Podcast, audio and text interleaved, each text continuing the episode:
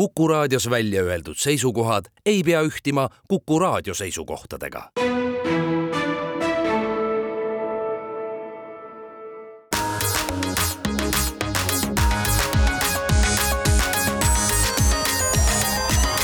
digitund. digitunnile ja digimaailmale annab hoogu Telia. tere hommikust, head Kuku raadio kuulajad on esmaspäev, üheksateistkümnes juuni ja Digitund alustab, stuudios on Indrek Vaheoja, Mait Tafenau ja Andrus Raudsalu. ja saate teises pooles liitub meiega sellise eh, vägeva Eesti startup'i nagu Pooltech kaasasutaja Mikk Plakk ja need, kes ei tea, millega Pooltech te tegeleb, siis kuulake meie saadet kindlasti ka teise pooleni, saate teada. aga lähme siit et traditsiooniliselt vist noh, nii nagu me alustame ikka turvauudistest, siis seekord hoopis võib-olla siis selline positiivne turvauudis, et riik on hakanud toetama küberturvalisuse teadlikkuse tõstmist. Just niimoodi, et ühesõnaga alates juunist laienes siis ettevõtete ring, kes saavad küsida kuni kuuekümne tuhande euro suurust toetust. Ja noh, see register on päris pikk, eks ju, kellele see toetus nagu on, on kõlbulik, eks ju, et, et minge uurige lähemalt, kas teie ettevõte on aga noh, programm on kaheastmeline, et esimeseks tegevussuunaks on siis oma küberturvalisuse hetkeseisu hindamine ning te on teine siis reaalsete arenduste noh, tegemine, noh nagu, nagu ikka, kui plaani ei ole, siis mille jaoks sa seda tööd teed, eks. ja kokku jagatakse peaaegu miljon eurot, see on kaheksasada kuuskümmend viis tuhat. Ja, ja seda siis rahastatakse läbi Euroopa Liidu Digitaal Europe'i programmi ja Euroopa Küberpädevuskeskuse kaudu nii et kellel on tun-, mure ja tahe saada paremaks oma küberturvalisus, minge ja uurige RIA-st lähemalt. just, ja seal noh, ütleme, et eh, siis ka riigi poolt on siis eriti kutsutud sellised kohad nagu perearstikeskused näiteks, noh, ei ole vist, ei vaja selgitamist, et miks seal peaks olema turvalisus kõrgel tasemel ja noh, tihti ega ongi, need perearstid on ju noh, paljud ise noh, nii-öelda üks mees nagu orkester äh, majandavad oma keskust, et, et kindlasti on neil abi vaja, noh, on ka siis majutus-toitlustusettevõtted ja paljud teised sellised, kes noh, võib-olla ei ole kõige IT-teadlikumad, eks, et äh, ma arvan, et see ongi väljakutse võib-olla ka nendele nagu inimestele, kes nagu selles vallas toimetavad ja tahaksid nagu aidata, sest noh, vaadake, perearstikeskusel endal tihtipeale ei ole nagu võib-olla sellist inimest, kes üldse noh, suudaksid ise läbi viia aga selle jaoks see raha ongi, et, et sa leiad kellegi, kes aitab siis sul selle olukorra ära kaardistada ja vajalikud meetmed kokku panna. ja kuni kuuskümmend tuhat siis per kärss jagatakse välja, kui hästi läheb. ja, ühte-teist jõuab selle eest ikka tehtud kõik saada, ma usun. ja, aga lähme siit edasi veel äh, siis äh, riiklike uudistega, et noh, ütleme, et me oleme siin mitmeid kordi rääkinud sellest, kuidas Euroopa Komisjon on siis Google'i vastu siis ühte või teist menetlust asu-, alustanud äh, ei ole nüüd neist ükski veel jõudnud nagu mingisuguse suure ja pompöösse lõpuni, aga seekordne tegelikult ikkagi omab päris, ma arvan, suurt mõju, nimelt on siis Euroopa Komisjon alustanud Google'i vastu nüüd konkurentsimenetlust seoses reklaamimüügiga ja noh, nagu me teame, siis Google on ikkagi maailmas noh, ütleme siis kogu selles interneti reklaamimüügi ahelas mitmes kohas istub ikkagi nendes sõlmpunktides. Ja siin on just küsimus selles, et äh, Euroopa Komisjon siis kahtlustab, et Google on mitmetes kohtades äh, ikkagi eelistanud nii-öelda oma süsteeme äh, teistele süsteemidele. Ja noh, lõppkokkuvõttes on ju see, et, et Google'is reklaamimine toimub siis sellise oksjoni alusel, et, et noh, pinnad pannakse reaalajas oksjonile, kiiresti tehakse neile pakkumised ja noh, ega täpselt keegi ei tea, mis selle musta kasti sees toimub ja, ja noh, neid kahtlustusi on olnud ka varem, nii et eks siis äh, Euroopa Komisjon uurib seda ja ma arvan, et see on hea, et, et see on ka võib-olla niisugune tervendav asi reklaamiturule üldiselt eh, internetis ja kui me räägime siis, eh, mida see võib Google'i jaoks tähendada, siis eh, ütleme, et sellise rikkumise, mingite suurte rikkumiste avastamisel on võimalik teha siis trahvi, mis ulatub kümne protsendini nende globaalsest käibest no see on ikka erakordselt suur mõju, ma arvan, sellele lõpeb, noh, ühesõnaga see kõlab kuidagi sedasi, et võtame selle Google'i tükkideks ja lõhume selle organisatsiooni ära, et see on noh, ma arvan, et see pusa seal toodetest, teenustest ja kõikidest võimalustest ja viisidest, kuidas midagi töötab, noh, see on nii suur, ja kui keegi kuskil ütleb, et me nüüd muudame kogu selle nagu nõuded sellistele teenustele ära, siis see kõlab selle järgi, et noh, ehita nagu uus maja, sellepärast et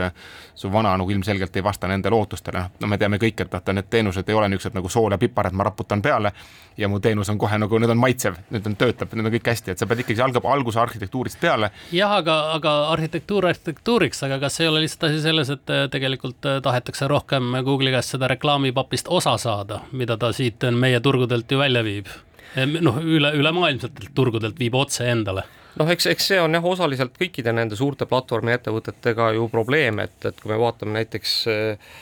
Eesti meediaturgu, siis äh, see meediaturg ei ole aastaid kasvanud, aga ei ole kasvanud selle tõttu, et, et, et tegelikult ta varja, nii-öelda varjatult on kasvanud, aga see raha on kõik voolanud Eestist välja, selle eest ei maksta siin ühtegi senti makse.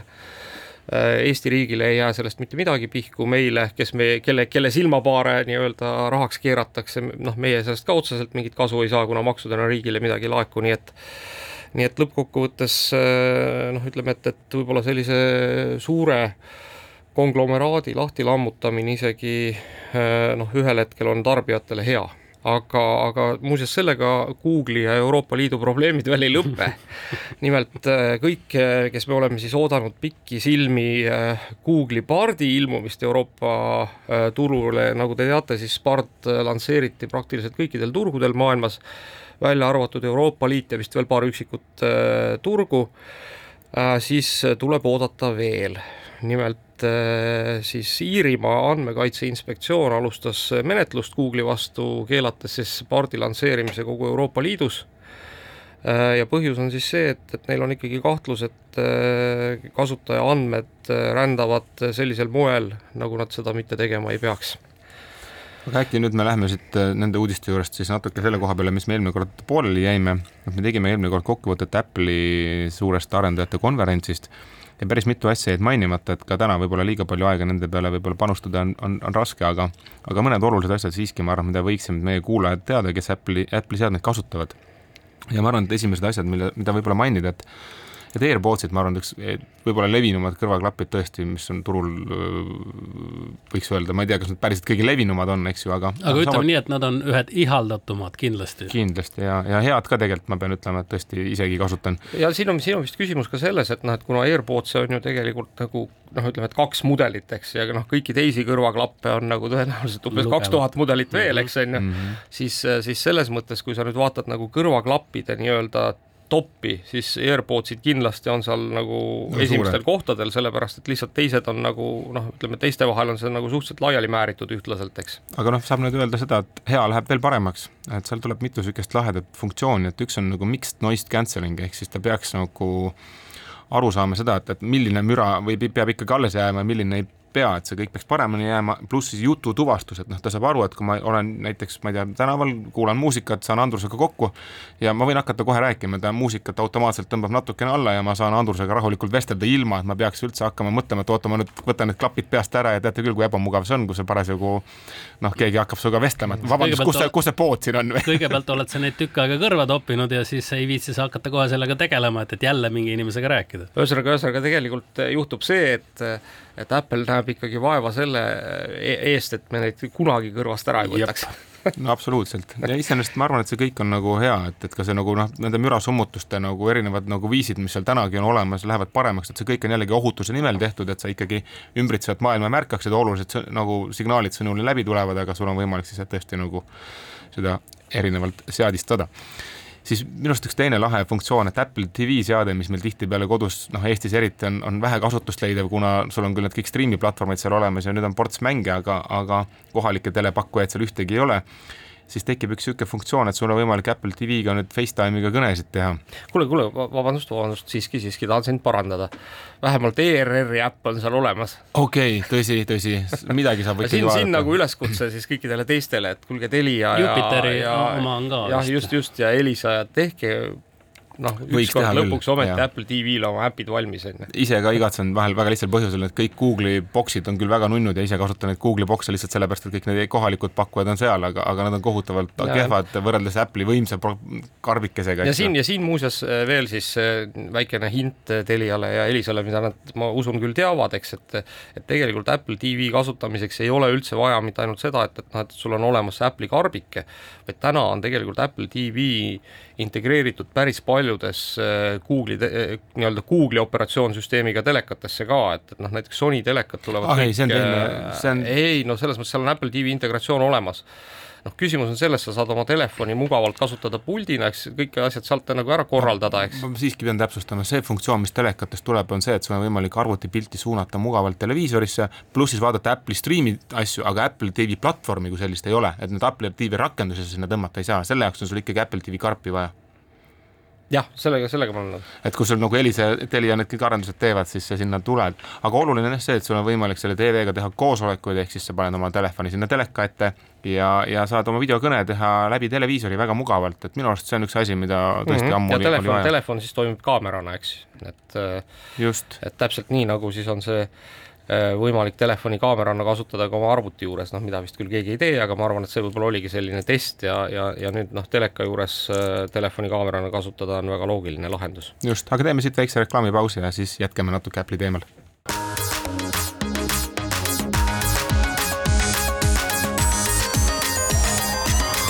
digitund. digitunnile ja digimaailmale annab hoogu Telia digitunni teine veerand on eetris, stuudios on Indrek Vaheoja, Mait Tafenau ja Andrus Raudsalu ja Mait suutis ikkagi vast, vast meie kõigi äh, pingutustele vaatamata suruda ka meie teise veerandisse veel natuke Apple'i juttu, nii et äh, lase käia, Mait. ja et äh, ka see arvuti poole pealt tuleb mõned uuendused, mis võib-olla on väga oodatud, et üks nendest on see, et kui teil telefonis on mingid widget'id, noh, mis iganes, et su pitsa on jõudmas kümne minuti pärast, eks ju, ja, ja samal ajal teed arvutiga tööd ja siis kogu aeg pead piidlema oma telefoni poole, eks ju, siis tegelikult need widget'id on kõik ka nagu arvutisse peegeldatavad.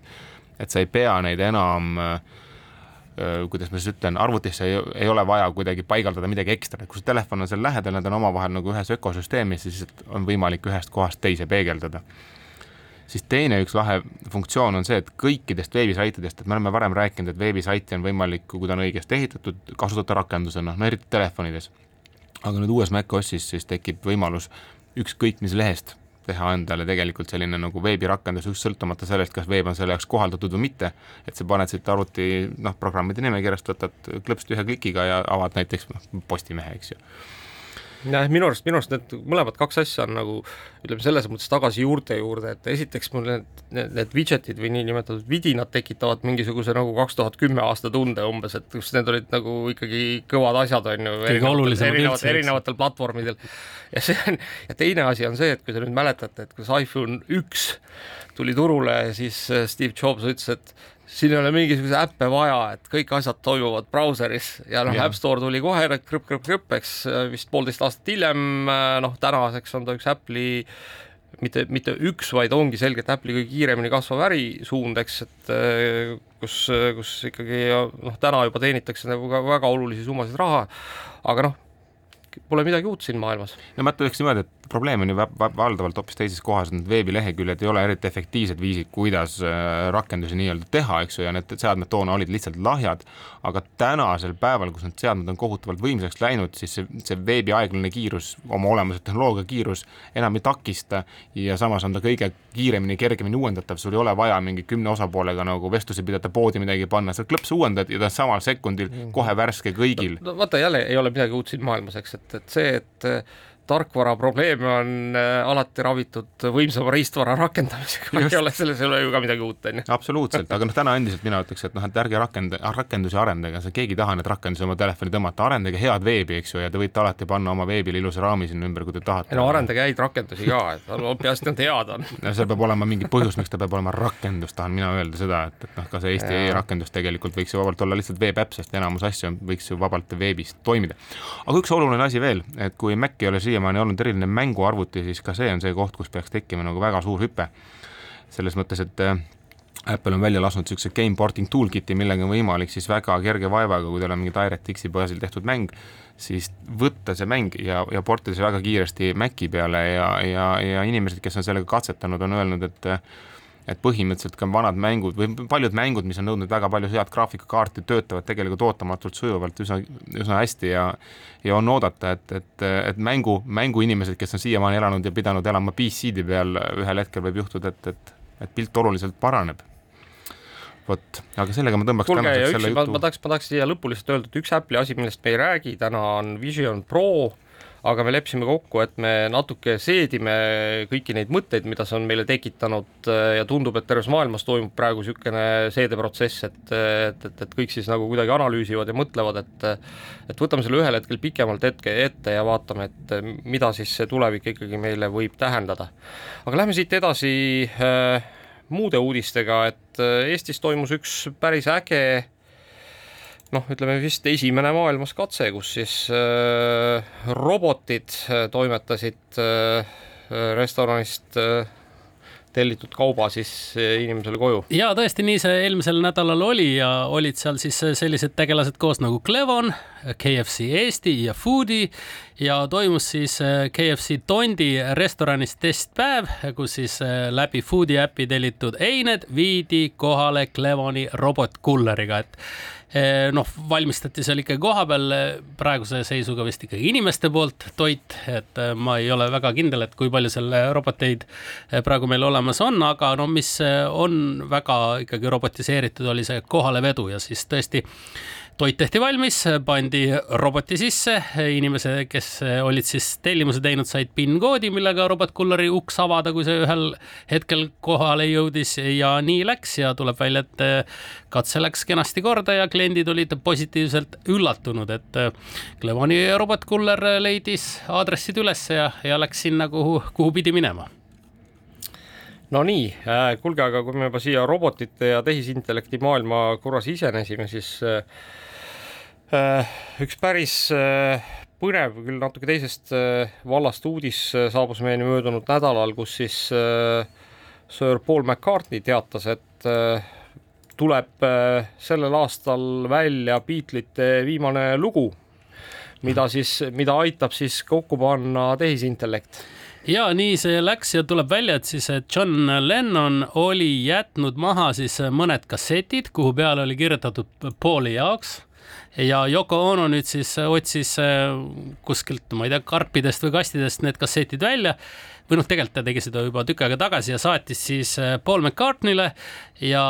ja omal ajal siis George Harrison oli öelnud, et äh, Lennoni hääl on nii halb siin peal ja täiesti mõttetu, et selle tulemusena me tööd tegema kunagi ei hakka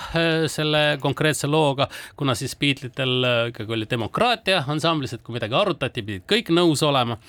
aga nüüd Paul McCartney on selle äh, asja siis äh, tõsiselt käsile võtnud, on hääle, mis oli omal ajal ühe sellise noh, boomboxiga salvestatud lihtsalt klaveri peale pandud, äh, ma ei tea, kassettmakk, see pandud salvestama. kehva kvaliteediga Lennon oli sinna siis midagi peale kraaksunud, aga no nüüd on muidugi õnnestunud hääl ära puhastada kenasti ja, ja rakendada ta siis uuesti tööle, nii et tõesti peaks siis selline noh, uus seni avaldamata Beatlesite lugu ilmuma. ja kusjuures, kusjuures siin on ikkagi oluline ongi just selle juures see, et, et see ei ole siis, kui me nüüd tavapäraselt mõtleme nende siis kuulsuste tehisintellekti abil loodud lauludele peale, siis need on sellised, kus siis on tehisintellektile õpetatud mingisugune kuulsus hääl selgeks ja noh, lihtsalt on antud talle ette sõnad ja ja noh, võib-olla on viisi ka siis äh, tehisintellekt loonud äh, ja noh, ta siis laulab selle kuulsuse häälega maha, siis antud juhul on ikkagi tehisintellekti kasutatud ainult selleks, et John Lennoni hääl nagu kätte saada ja sellest puhastada väga, sellest väga kehvast materjalist. jah, puhastada erinevatest mehaanilistest äh, lärmidest ja, ja krabinatest ja kõigest muust läbust ja ja et laulab tegelikkuses ikkagi Lennon ise oma omal ajal, et, et see ei ole nüüd süntees, eks ju. nii et jah, kõik need, kes seda lugu kuulavad, siis teate, et, et äh, kuulate ikkagi päris John Lennonit. aga äh, siit äh, võib-olla mõned siis sellised tehisintellekti uudised veel, et, et alustame ühest sellisest lihtsamast, et Mercedes-Benz on siis teatanud, et ta kavatseb hakata testima chat GPT-d enda autodes assistendina ja hetkel siis umbes üheksasada tuhat autot Ameerika Ühendriikides on need, kes siis kuuluvad sinna testgrupi sisse ja, ja, ja, ja selleks, et siis sinna testgruppi saada, tuleb autole öelda, et hei Mercedes, I want to join the beta program. kõigepealt tuleb muidugi see Mercedes osta endale, kui seda veel ei ole, et aga. nojah, aga noh, ütleme, et üheksasajal tuhandel inimesel on nad juba olemas, nii et äh,, nii et, nii et, nii et päris tore ja siis teine võib-olla selline noh, möödunud nädala põnev ai uudis on siis see, et et Google näitas äh, siis tehnoloogiat, kuidas äh, noh, ütleme jällegi, et, et ei ole midagi sellist kui hästi ära unustatud vana asi, kui te mäletate sellist Eesti startup'i nagu Fitsme mis äh, üritas siis robotite abil lahendada seda probleemi, et, et, et kõik äh, siis riided, mis te ostate e-kaubamajadest, teile hästi selga istuksid, et noh, seal siis lihtsalt Hakkab pandi meenu, need, jah. need robotid, vot kes paisusid erinevatest Jah, kohtadest jah, ja, jah, siis pandi neile need särgid ja kampsunid selga, eks, ja siis sa said siis selle täpselt oma keha järgi siis selle roboti nagu ära paisutada ja ja, ja said siis näha, et, et kuidas see välja näeb, et ma saan aru, et seal kõige suurem probleem oligi see särkide selga ajamine robotile on ju, et, et, et seda, sellega oli nagu päris keeruline teha, tegeleda ja ja noh, lõppkokkuvõttes tänaseks äh, Fitsmeet vist enam olemas ei ole sellisel kujul, et kuigi vist see Jaapani Rakuten ostis mingil moel ära, aga aga noh, ma ei ole küll kuskil näinud seda nii-öelda roboti lahendust üheski poes, aga nüüd Google siis pakub sellist lahendust, mis põhineb tehisintellektil ja kus on siis äh, noh, ikkagi sadasid erinevaid kehakujusid siis välja valitud, et sa pead siis endale, endale kõige sobivama kehakuju valima ja siis sellele kehakujule istutatakse siis äh, noh, tehisintellekti abil siis see ri riideese selga. konkreetne riides, huvitav, kas, kas no, selline seal ei ole enam ühesõnaga seda nagu füüsilist selga panemist. seal võiks olla, olla ka selline asi juures, mis puudutab jalanõusid, et, et kui sul on näiteks kõrge liistuga jalg, et siis sa niisama suvaliselt lihtsalt ei saa endale kunagi jalanõusid netist tellida, et, et võiks, võiks selline moment ka olla, et saaks siis erinevaid tosse juba roboti peal nii-öelda ära proovida ja siis endale tellida, siis äh, ma teaksin ühte klienti vähemalt, kes nagu juures oleks, aga see ei ole mina muidugi, see on mu naine. Okay.. võib-olla siia kõrvale on hea mainida üks teine niisugune mõnus maalähedane uudis, et Virgin Galactic, millest on palju-palju räägitud, alustab äh, põhimõtteliselt kahe nädala jooksul siis esimesi kommertslende nagu kosmosesse. et see reisijate nimekiri ei ole veel küll avalik, aga aga saate kaasa elada, kes on, kes on seda kaua aega oodanud ja, ja panna ennast nimekirja, kes on tahtnud ka lendama minna. aga läheme siitkohalt äh, reklaamipausile ja jätkame juba veidi aja pärast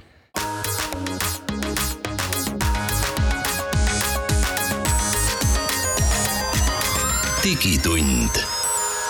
digitunnile ja digimaailmale annab hoogu Telia digitunni teine pooltund, poolaeg peab siis, kannab pealkirja Startup annab aru ja külas on meil Poolteki kaasasutaja ja tegevjuht Mikk Plakk. ja kõigepealt tere tulemast, Mikk, tore, et sa said tulla meile siia stuudiosse, alustame kohe algusest, et ma arvan, et Pooltek kui nimi vist paljudele kuulajatele ei ütle midagi, et, et millega te tegelete? Tere ja aitäh kutsumast ja ütlen kohe alguses meie niisuguse slogani ära, et Baltic annab mullale hääle, et eh, mida see tähendab, on siis see, et meie kaasame reaalajas eh, mulla andmed eh, täppispõllumajanduse protsessi, kus siis tänu sellele saab teha paremaid otsuseid, et me liidame selle üheks paketiks, need mulla andmed, satelliidiandmed, ilmaandmed ja esitame need siis niisuguse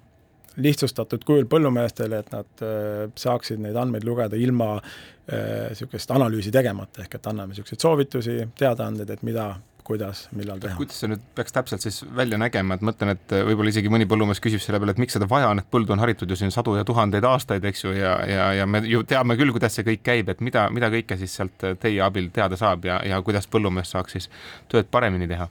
no tulemegi selle juurde, et sada aastat on niimoodi tehtud, see oli üks esmaseid vastuseid, kui me kaks tuhat üheksateist sellega Maamessil välja tulime, et noh, ma olen ju nii teinud ja ma lähen vaatan põllu pealt, kuidas olukord on ja nii käibki.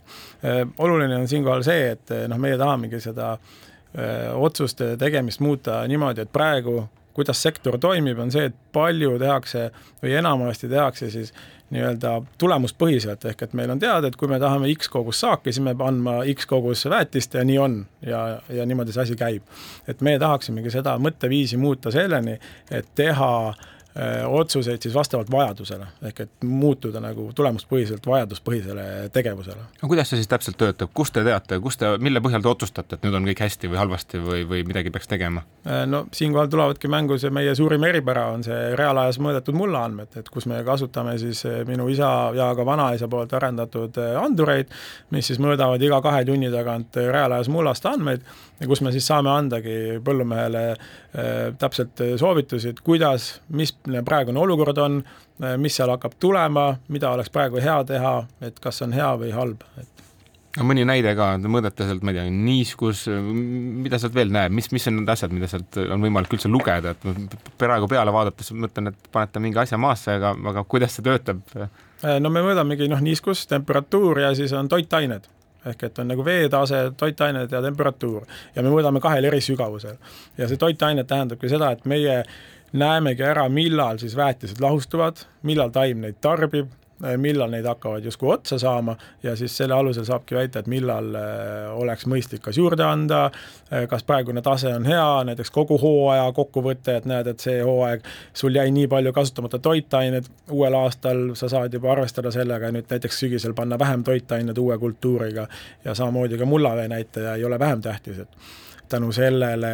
me saame, noh, nüüd on muidugi meil ju hirmus põud majas, aga et me näeme ära, millal siis on nii-öelda mullas kümne sendi või kaheksa sendi sügavusel äh, olukord selline, et taimikul ei ole vett, mida tarbida. Ja näiteks, et kui sa lähed pritsimistöid tegema, siis noh, kui sa pead minema, siis vähemalt kasutada lahjemat segu või siis mitte minna üldse tegema, et sealt tulevadki niisugused reaalsed kohad, kus sa võid oma saagile kahju teha või näiteks äh, oma sisendeid kasutada ebaefektiivselt, ütleme, väetiste näol ehk siis mitte minna ehku peale, vaid ikkagi minna kinda peale välja, saada aru, mis tegelikult pilt on ja, ja ma saan aru, et võib-olla ka paremal juhul võib-olla õnnestub ka mingil puhul ma ei tea, mis võimalused tegelikult on, et kastma vist seda sadu hektareid ei lähe keegi, eks ju, aga aga siiski võib-olla on leidub mingi viis, kuidas saak võib-olla ikkagi mingi nipiga pehmelt öeldes päästa või vähem, vähem, vähemalt mitte kahjustada rohkem, eks ju. just, et vähem, just, et kahjustada mitte rohkem ja noh, kui sa tuled kastmise juurde, siis tegelikult meie fookus, meie toodet kasutavad ka siis nii-öelda kontrollitud tingimustes kasvatajad, ehk et kes kasvatavad sibulaid, kurke, kartuleid ja nii edasi, kes kasutavad ka kastmissüsteeme. et ehk siis et tegelikult tegemist ei ole ainult siis viljakasvatajale, vaid absoluutselt kogu põllumajandussektorile just, täpselt nii. kas see... on mingi vahe ka meil, ütleme Eesti erinevatel muldadel, et siin, ma ei tea, Põhja-Eesti paepealsetest kuni siis Lõuna-Eesti suurte savimuldadeni välja, et kas, kas see andurite süsteem töötab igal pool samamoodi või on kuskil sellised äh, ma ei tea, geoloogilised eripärad ka, mis, mis kuidagi tekitavad probleeme? Absoluutselt, muldade käitumine on iseärane erinevatel mullatüüpidel, selleks on meil ka, ütleme, minu isa teadustöö tulemusena siis ka erinevad arvutusmeetodid välja töötatud, ehk et me saamegi oma süsteemis määrata, et kas meil on niisugune liivane muld või on siis just see savitüübine või on niisugune nii-öelda must muld, on ju, ehk et eh, sellele vastavad siis ka need, ütleme, need soovitused ja see kalibratsioon eh, nendel seadmetel toimub. Teie abil on võimalik ka see kindlaks teha, et noh, te kõik teate ju kedagi, kes ütleb, et noh, minu aias ei kasva ju midagi, eks ju, et miks siis ei kasva, et kas te suudate välja selgitada, miks siis seal aias ei kasva midagi? No põhimõtteliselt see on võimalik, et me saame anda ka ütleme, niisuguseid piiravaid tegureid, miks võib olla, et nüüd, nüüd ei ole kasvanud või, või miks praegusel ajahetkel ei kasva, aga, aga noh, üldine starting point on see, et me peame, et on hakata vaatama ja mõõtma ja vaatame, et kuidas seal need asjad toimuvad ja, ja miks ehk siis jälgida juba pikem periood, eks ju, mingit maad, aga ma saan aru, et see toode on ikkagi mõeldud ikkagi suurema maa-ala jaoks, et ta päris aeda vist ei ole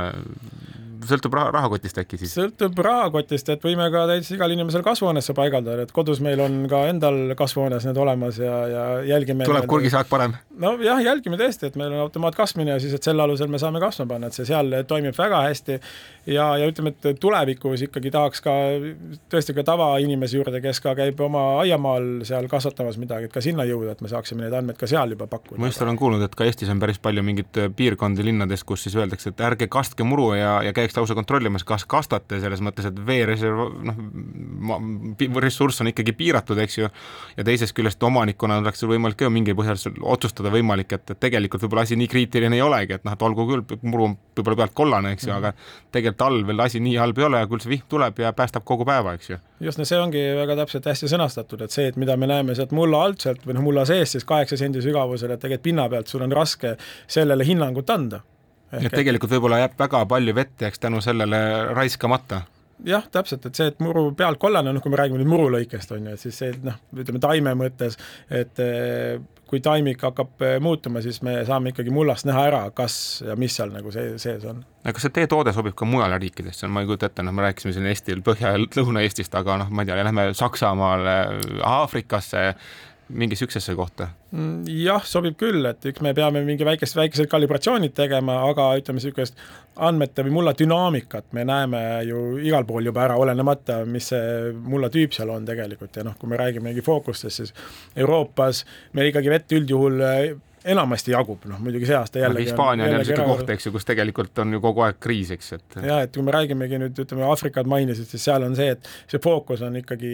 me võib-olla toitained ei ole üldse nii olulised, vaid et kui me suudame seal protsendigi vett kokku hoida, on juba nagu väga suur rahaline võit, et seal ütleme, see toote fookus võib olla teine, aga ta on kasutatav, jah. kuule, aga ütle, ütle korra seda, et, et, et mis turgudel te siis täpselt nüüd hetkel olete juba? No Eestis toimetame, siis äh, Soomes äh, oleme sees ja siis Rootsis on meil paar klienti, noh, meil ei ole sinna nagu suurt fookust pannud ja UK-sse nüüd äh, hakkame vaikselt minema, et meil on seal mõned kliendid olemas ja hakkamegi neid protsesse nüüd üles ehitama, et, et sinna laieneda okei okay,, aga kas praegu nagu see klientide leidmine on toimunud, kuidas, et kas te olete ise läinud äh, aktiivselt neid otsima või nad on põllu äärde kuskile torkanud oma masina sisse. või nad on teid kuidagi üles leidnud ise? me ikka oleme ise käinud, et äh, praegu on see olukord selline, et me oleme nii väike, et see tuntus veel ei ole selline, et mõned kliendid on ka ise tulnud, aga peamiselt ikkagi klientide otsing käib ise ja meil on nii-öelda müügiesindaja, kes siis äh, käib ja helistab ja, ja siis niimoodi. natuke kahtlustan, see on see unknown unknown probleem, ehk siis kui sa ei tea, et sa ei tea, siis sa ei oska seda ka küsida, eks ju. absoluutselt, et inimesed, äh, ütleme, nad, äh, see probleem on, nad soovivad seda lahendada kuidagi, ütleme, see on sisendite teema ja samamoodi ka meil on Euroopa Liidu piirangud tegelikult ka Euroopa Liidus on ju, tulevad peale, et sa pead hakkama vähem kasutama, vähem kasutama, aga et see ei ole veel nii aktuaalne, ehk et me, nad saavadki sellest siis nagu teada, et see, niisugust probleemi on võimalik lahendada. aga kuidas, ütleme, et noh, tegelikult on ju see, et kõikide nende asjade kasutamine noh, iseenesest põllumehele tege-, tegelikult tähendab kulu, on ju, noh ükskõik, kas sa noh, ma ei tea, lased vett, on ju, või, või väetad või, või, või noh, ütleme, et mis iganes, mis iganes asja sa teed, igatahes on see kulu, et et kas kas selle teie tehnoloogia kasutamine, noh, ütleme, ma eeldan, et, et kui sa ju optimaalselt paned nii vett kui väetist, siis iseenesest tähendab see kulu kokkuhoidu just nii, et sinna, sinna me, sinnapoole pürgime, et põllumajandus me peame aru saama sellest, et see ei ole nagu must ja valge lahendus, on ju, et meie nüüd ütleme ja nii on, et, et siin asjad töötavad komplektis kõik, et siin on, on ju ilmaolud, siin on sul mullaolud, siin on taimiku enda iseärasused, need kõik toimivad komplektina ja ütleme, see võimalik sääst tulenebki sellest komplektist tulenevalt ikkagi, et mõnikord sa seda säästu ütleme, jooksvalt hooajal ongi sul raske kohe nagu välja tuua, sest kõik tundub optimaalne, aga samas näed, et hooaja lõpuks on sul palju kasutamata toitained, juba sul on sääst, et mida sügisel sa saad näiteks vähem sisse panna, samamoodi mm -hmm. talveprotsessid, et noh, see tuleb erinevatest kohtadest. annate lihtsalt põllumehele silmad, eks ju? jah, me annamegi silmad sinna musta kasti ehk et sinna mulda, et see ongi, millest me räägime, et me anname mullale hääle, et kui meil on need niisuguseid lahendusi on ju olemas varem ja, aga need keskenduvad ainult satelliidipõhiselt ja satelliit ja ilm, on ju. Mhm. ja satelliit tegelikult kuvab ju seda, mida siis satelliit taevast suudab pildistada ja need protsessid mullas on juba tegelikult noh, siin seitse kuni mhm. neliteist päeva varem ära toimunud, et kui seal on mingi asja defitsiit, siis see tuleb ju sinna taime värvi alles mingi aja tagant, ehk et me oleme justkui ajast natuke ees, on ju, saame, saame hinnata mm -hmm.. kusjuures, kusjuures noh, kui me satelliidi juurde jõuame ka, ega siis satelliit vist noh, noh täna vist satelliidid ilmselt niiskust juba suudavad kuidagi ennustada mullas on ju, aga tõenäoliselt kõiki toiteaineid ja sellist asja noh, ikkagi on, sellest on asi väga kaugel, et sa satelliidi pealt suudaksid öelda, et palju nüüd ühte või teist seal mullas üle või puudu on just nii, et noh, niiskust nad ennutavad, seal on mudelid, oleme võrrelnud andmeid, seal ikkagi need käärid on sees endiselt sellel mudelil. Ja teisalt on ka see, et kui me räägime siis tavapõllumajandusest, siis ikkagi mida suvi peale tuleb, et seda biomass muutub suuremaks ja sealt raske, sealt läbi on juba jällegi satelliidil ka raske asju näha, on ju. kaua te teete seda juba, see on pikem, pikem protsess vist, see ju päris üleöö ei ole teil tulnud lauale? no me kaks, kaks tuhat üheksateist äh, tulime tootega välja, et aga ütleme, see, just see andurtehnoloogia, mis on äh, oluline osa, seda on siis minu isa arendanud pea oma elu, on ju, pea nelikümmend aastat siin. ja, ja, ja siis sealt see nii-öelda toode välja kooruski nüüd nelikümmend aastat on läinud tegelikult sellest, pluss siis veel see kolm aastat tooteks nagu neli aastat tooteks teha, eks ju, see toode, et see on ikkagi terve elutöö. Äh, jah, täpselt nii, et kaks tuhat üheksateist Maamessil tulime välja ja algselt hakkasimegi siis müüma seda nii-öelda noh, et andur on niisuguse hinnaga ja siis teenus sealt edasi. aga siis oligi täpselt see aeg, et põllumehed tulevad, vaatavad, ahah mm, -hmm, väga tore, kuule, ma olen sada aastat niimoodi teinud või noh, kõik on sada aastat niimoodi teinud, et mis me siin nüüd nagu hakkame muutma, aga nüüd, mida aeg edasi, esiteks on ju hinnastamise me muutsime ära, et meil on nüüd ta nagu teenusena, kus siis on see eh, jaam on ka seal sees, mis põllule läheb ja siis nii-öelda hooldus ja kõik käib sinna hulka, et, et inimene ei pea muretsema, et kui mingi jälle üks jäädeldis, mis läheb katki ja siis ei tea, mis sellega saab, on ju. et see on kõik seal sees ja, ja siis kaks tuhat kakskümmend sügisest olemegi sealt niimoodi edasi mõõtnud. kas sul selliseid edulugusid ka on rääkida, kui põllumees sulle ütleb, et jaa, me oleme sada aastat siin oma paljatagumikuga mõõtnud seda niiskust ja nüüd noh, et me ei usu, aga siis ütleme, olete talle mingid testseadmed andnud ja siis tuleb tagasi, ütleb, vau, et mis nüüd sai jah, meil on positiivsed tagasisided on meil ka kodulehel kenasti üleval, et on olnud inimesi, et et mis siin oluline ongi see, et see andmete uudsus, mida me pakume, et selliseid andmeid pole inimesed varem, noh, põllumehed ei ole varem kasutanud. Nad ei teadnudki selle... võib-olla, et, et oleks hea seda kasutada. no täpselt ja siin ongi nende selle usalduse tekitamine, et nad usaldaksid neid andmeid, et see võtab natuke aega ja see on siis nagu meie töö, et nüüd selle andmetest arusaamine teha võimalikult lihtsamaks, et kui ka sina paned homme endale anduri maha ja logid meie süsteemi sisse, et sa kohe saad aru, mis seal toimub, et, et sellega me nüüd näemegi tõsiselt vaeva. kas see on tõesti nii, et ma täna liitun ja homme juba näen või see tegelikult ikkagi eeldab, et minu põllu peal see käib see andur päris pikka aega maas ja siis me alles hakkame nägema, mis on minu põllu tegelik seis? ei, see ikka käib tõesti nii, et kui sa täna annad meile teada, et sul on soovi, me leiame paigaldusaja, et see paigaldus käib siis, meie tehnik tuleb kohale, teeb nii-öelda põlluanalüüsi, on ju. ehk et on see, et kuna seade, see andur ise paikneb siis ühel kohal, ühes kohas mullas, on ju et siis me teeme põlluanalüüsi, mille alusel me hindame, mis on siis see parim koht selle, selle paigalduseks ja no muidugi sealt me ootame ka põllumehe sisendit. ja, ja siis, kui see andur on paigaldatud, sa hakkad andmeid kohe nägema. ehk et siin noh, ütleme, parima tulemuse saabki sellest, kui meil on ikkagi aegjada ees, et me suudame hinnata, millest on, et miks see andmestik praegu selline on ehk et selle alusel me saame anda sulle juba mingit sisendit, et kui sa nüüd paned täna mulda, täna saad andmed kätte, siis võib-olla kohe ei saa sulle öelda, et nüüd näed, nüüd sa saad seda teha, seda, seda, seda, et see võtab nagu natukene aega, et tekiks mingi nagu andmerida ja mingisugune dünaamika sinna. Läheme siitkohalt nüüd reklaamipausile.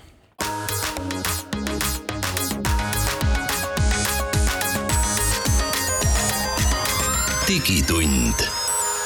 digitunnile ja digimaailmale annab hoogu Telia. Digitunni viimane e-, veerand on eetris ja Indrek Vaheoja, Mait Tahvenoo ja Andrus Raudsalu äh, pinnivad siin Poolteki äh, kaasasutajat ja tegevjuhti Mikk Plakki, et Mikk, äh, me nüüd rääkisime sellest, et et milliseid võimalusi avab see teie andur, mida saab maasse panna, aga räägime rahast ka natuke, et palju ta maksab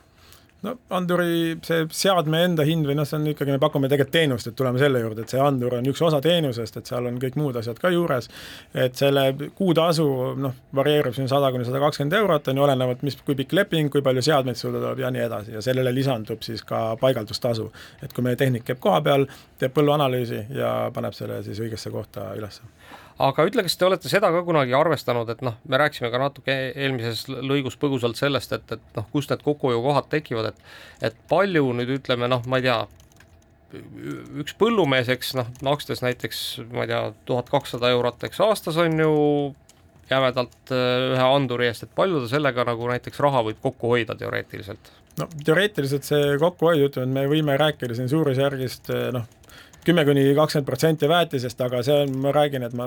disclaimer'ina peab ära ütlema, et see ei ole nagu fiks niisugune summa, et see mm -hmm. sõltub ikkagi nii paljudest erinevatest teguritest, aga kui me tegelikult võtame selle kas või mõned protsendid eh, sinu aastasest väetisekulust, eh, see tegelikult on juba selle tuhande euroga on see juba lõdvalt kaetud, et me oleme teinud siin eh, mõningaid nii-öelda teste ka, on ju, tavapõllumeestega, kus siis ongi välja tulnud, et et kui sa meie seadme alusel siis oled näiteks kolme väetisekorra asemel kaks teinud, et siis mis see lõpptulemus saagis kajastus, siis see nagu erinevus, ütleme, et see kakskümmend protsenti oligi nii-öelda võit juba, mis sa juba võitsid, et kui sa selle lööd äh, nii-öelda ühe põllu pealt kas või laiemaks natuke, see on juba ikkagi, sa oled oma tuhande euroga igatepidi plussis juba.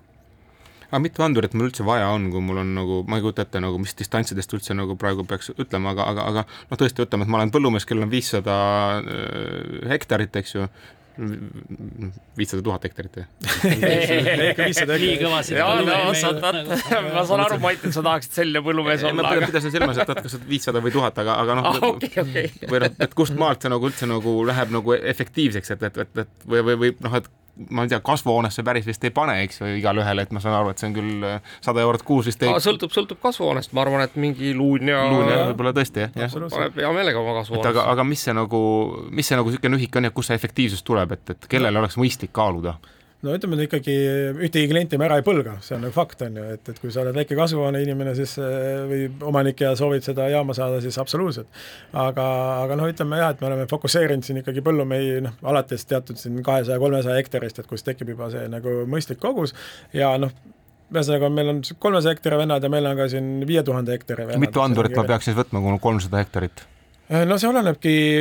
palju sul põldusid on, mis kultuure sa kasvatad, ehk et kui sul on, no Eestis niisugune standard on see, et keskmine on kolm kuni seitse jaama on niisugune keskmine klientide, kliendi nagu andur, mida ta algselt võtab. terve põld täis ei ole neid, ta lihtsalt, me paneme ikkagi ei. nagu nurka mingisuguse keskele kuskile põllule, mis on nagu suurem ala ja ta annab selle piirkonna kohta enam-vähem samamoodi käideldud ühesuguse informatsiooni. just täpselt, et see on ikkagi üks jaam läheb ühele põllule, et see on fakt ja neid noh, põld võib olla sul viie hektarine, kümne või on ka saja hektarises põllus, mis on niisugune ütleme, sala, sile tasase pinnaga, ühtlase iseloomuga põld, et see on nagu kõige olulisem asi siin ära märkida, et tegelikult oleme hästi palju pistekontrolle teinud, et kui on, öeldakse, et see on ühe punkti nii-öelda mõõtmine, siis tegelikult ikkagi sama põllu lõikes need numbrid jäävad ühtlasesse piirkonda, me oleme hästi palju pistekontrolle teinud ja samuti ka isegi, kus me paar aastat tagasi tegime väga tihedalt, siis oli ka näiteks üle mingist kruusatee kõrval asuvad põllud olid sama, et kui sul oli Tallinnisu põld, sa oled täpselt samamoodi väetist pannud ja veerežiim on seal suhteliselt samasugune, siis, siis ei ole mõtet panna rohkem, eks ju? Äh, jah, et sest ütleme, sa ei pane mitut ühe põllu peale, meie ei näe sellele vajadust ja seega ütleme, majanduslikult ei ole võib-olla otstarbekas. mul tekkis üks error peas, et ma kujutan ette, et panna selle anduri nüüd põllu peale, eks ju, ja, ja nüüd tuleb traktor, eks ju, noh, kui ta sellest üle ei sõida, siis see informatsioon läheb ju erinevaks, eks ju, kui ta sellest üle sõidab, siis see andur tõenäoliselt saab kannatada, et kuidas, kuidas see kaetakse? Äh, see on siis niimoodi, et ikkagi anduri paigaldus toimub enamasti peale külvi sest külv on see koht, kus siis ikkagi ükskõik mis, mis sorti harimisviisi sa teed, siis sa nii-öelda mulda nagu natukene liigutad või paned selle seemne sinna ja nii edasi, et anduri paigaldus toimub peale külvi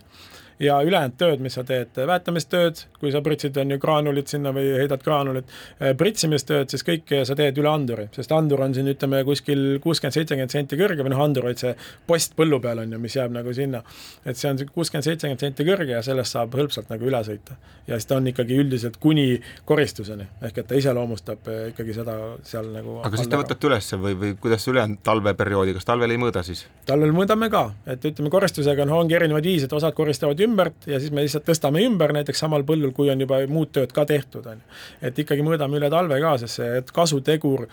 tootel või sellel jälgimisel on ikkagi läbi kogu aasta et need lihtsalt need kohad, mida jälgida mingil ajaperioodil on, on erinevad. no kust ta oma elektri saab või kui tihti ta üldse midagi mõõdab, selles mõttes ma ei tea, kui palju ta energiat tarbib, et kas tal on mingi patarei seal siis või? ja kust ta ühendust saab? jah jah, ta on äh, päikesepaneeliga seade, tal on kaheteist voldine ühe koma kahe amperitunnine aku äh, ja ühendust saab ta üle IoT võrgu, siis LTE võrku kasutame. ja ta siis ütleme, magab nii-öelda lihtsustatuna kogu aeg, iga kahe tunni tagant ärkab üles ja teeb mõõtmise. ja, ja sealt niimoodi see süsteem siis toimib. mis tegelikult tähendab siis põllumehe mõttes seda, et, et äh, kui me nüüd räägime sellest IoT võrgust, siis tõenäoliselt noh,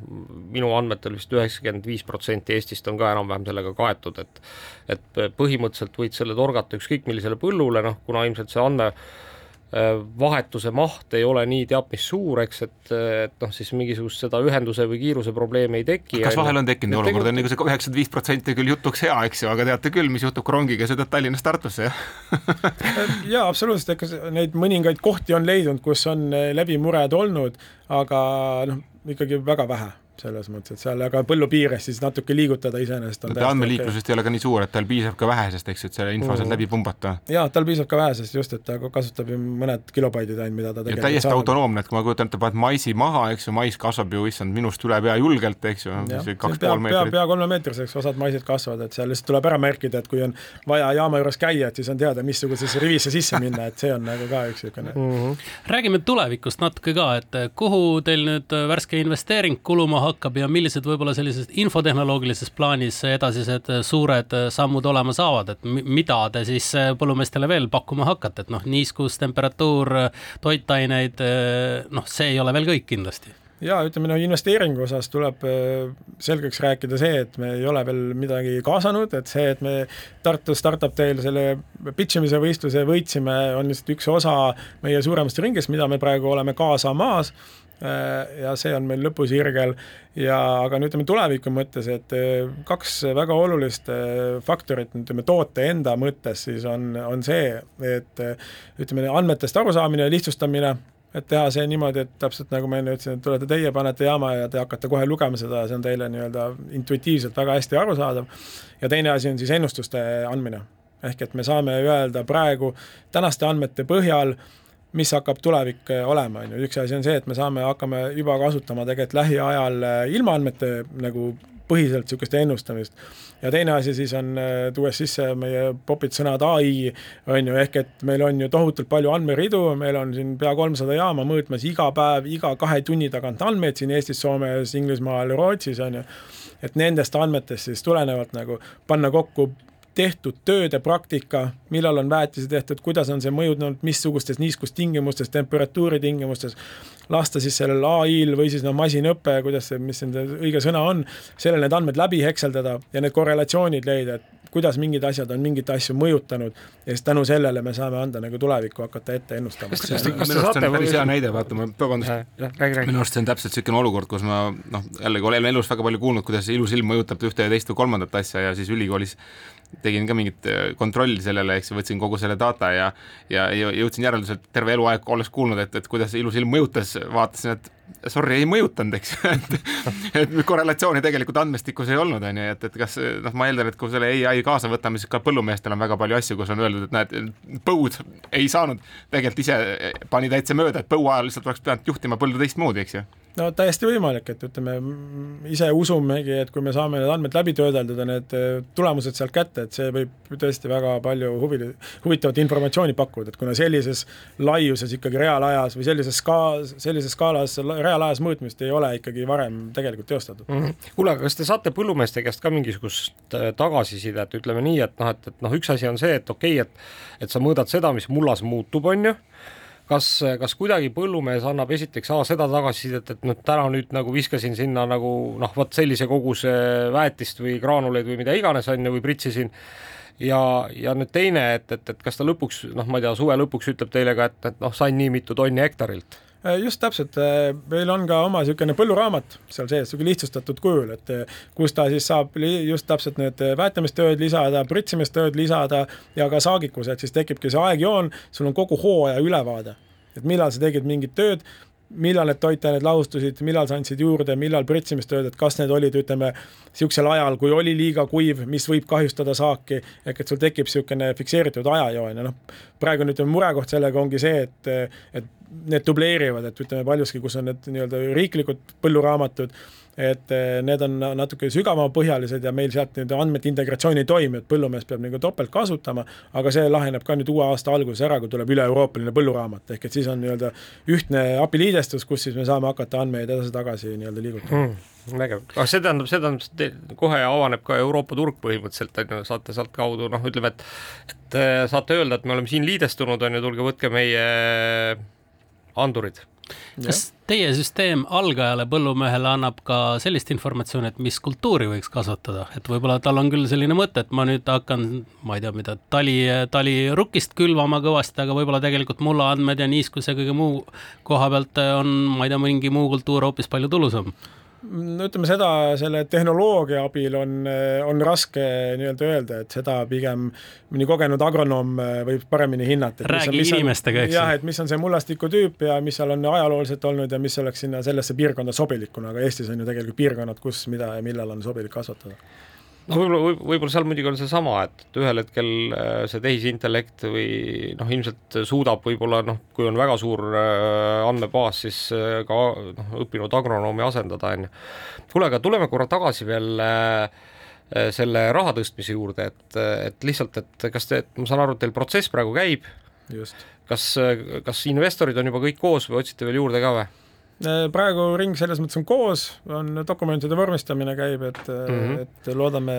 jõuda peatselt lõpusirgele, jah. palju tõstate? Äh, no üht, üks koma kolm on praegune mm -hmm. target või seal. ja kas olema. investorid on ainult Eestist või on ka väljaspoolt äh,? ikkagi lõpuks on ainult Eestist okay.. Eesti, Eesti fondid on, on, kes meil on osalised. aga ütle seda ka, et, et äh, kui keeruline, noh, kuidas sa ise hindad, et, et kas see tõstmine läks nagu suhteliselt lihtsalt, kas investorid said aru sellest, mida te teete? Äh, ütleme, ei läinud suhteliselt lihtsalt, et seda võib, on niisugune stampvastus praegu, et olukord on ikkagi drastiliselt muutunud versus kaks aastat tagasi, on ju. et inimesed on ikkagi väga nii-öelda tagasihoidlikud ja, ja mõtlevad väga tõsiselt ja kuna kõik mõtlevad, siis ka nende nii-öelda see deal flow on palju suurem, ehk et neil tuleb palju rohkem kraami, neid diile läbi, mille üle nad saavad mm -hmm. siis mhm. veel kord mõelda. Et selles mõttes on nii, aga noh, see näitab, et ikkagi see sisu on olemas ja see, kuhu me liigume, on olnud nagu, on, on õige. ja tahan lihtsalt ära tuua ühe koha, sa ütlesid, et, et võib asendada asendada agronoomi, et kus ma just käisin seal Metki podcast'is, seal oli see, et mina näen, et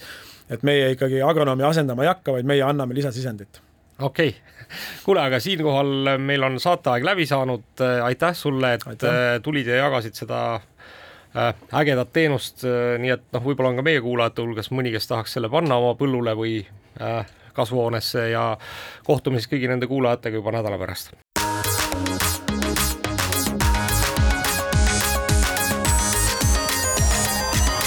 digitund. digitunnile ja digimaailmale annab hoogu Telia